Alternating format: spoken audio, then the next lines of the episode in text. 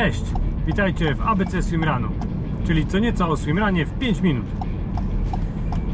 Dzisiaj co nieco na temat pianek, czyli jakie są rodzaje pianek, typy pianek, jakie są cechy charakterystyczne tych pianek.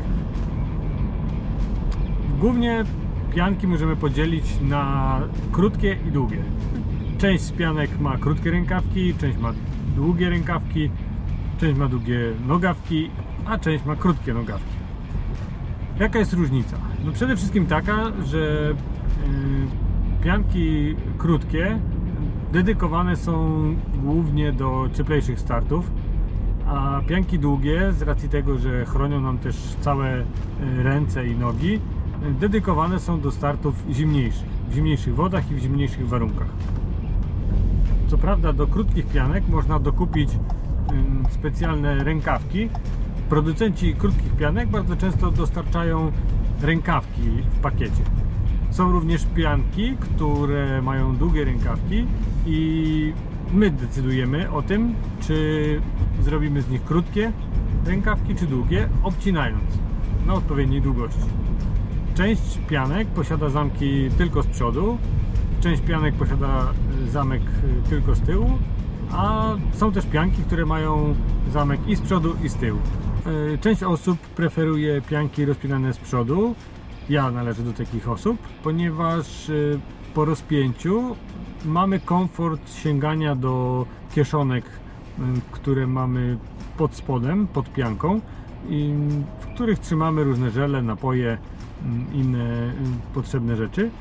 Natomiast są osoby, które preferują rozpinane pianki z tyłu, ponieważ twierdzą, że dużo łatwiej im się je ściąga i zakłada podczas biegania. Nie stosowałem jeszcze pianki, w której były zastosowane dwa zamki z przodu i z tyłu, ale z tego co słyszałem, bardzo ułatwia to ściąganie i zakładanie. Wydaje mi się jednak, że może być problematyczne podczas zakładania, ponieważ musimy się mm, tu obsłużyć dwoma zamkami z przodu i z tyłu. Różni producenci pianek stosują różne, różny materiał.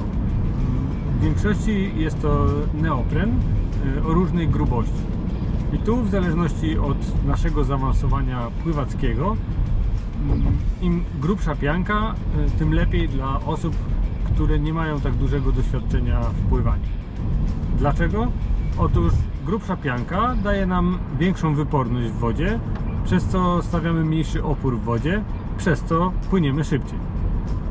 Osoby jednak bardzo dobrze pływające cenią sobie y, komfort czucia wody, a y, cieńsze pianki no, w pewien sposób y, umożliwiają czucie tej wody. Dodatkowym zabiegiem, jakie stosują mm, producenci pianek, są panele neoprenowe. Na przykład na udach i na klatce stosowane są grubsze panele, grubszy neopren, po to, aby w tych newralgicznych punktach dodać większą wyporność pływakowi. Natomiast w miejscach takich jak pachy czy pachwiny, ten neopren jest dużo cieńszy, dzięki temu uzyskujemy większy, lepszy komfort podczas biegania. Pijanki neoprenowe również posiadają bardzo często ukryte kieszonki, może nie ukryte, ale kieszonki zewnętrzne oraz wewnętrzne. Różni producenci różnie te kieszonki umiejscowiają. Jedni umiejscowiają na plecach, y, inni z przodu, inni na udach. Zamykane są na rzepy, zamykane są na zamek. No zamek jest tu jednak y, najlepszym i najbardziej y, pewnym rozwiązaniem. Teraz bonus. Jak zrobić piankę swimrunową samemu? Otóż wystarczy mieć starą piankę triatlonową, w której obcinamy rękawki i nogawki. W jaki sposób to zrobić? Ubieramy piankę triatlonową, zaznaczamy markerem miejsca, w których chcemy, aby rękawek się kończył. Podobnie zaznaczamy nogawki. Ściągamy piankę i ostrymi nożyczkami ucinamy w zaznaczonych miejscach. A dla majsterkowiczów można jeszcze z, zrobić dodatkowy sprzęt typu opaskę na głowę, bądź opaskę na szyję, bądź też na nadgarstki.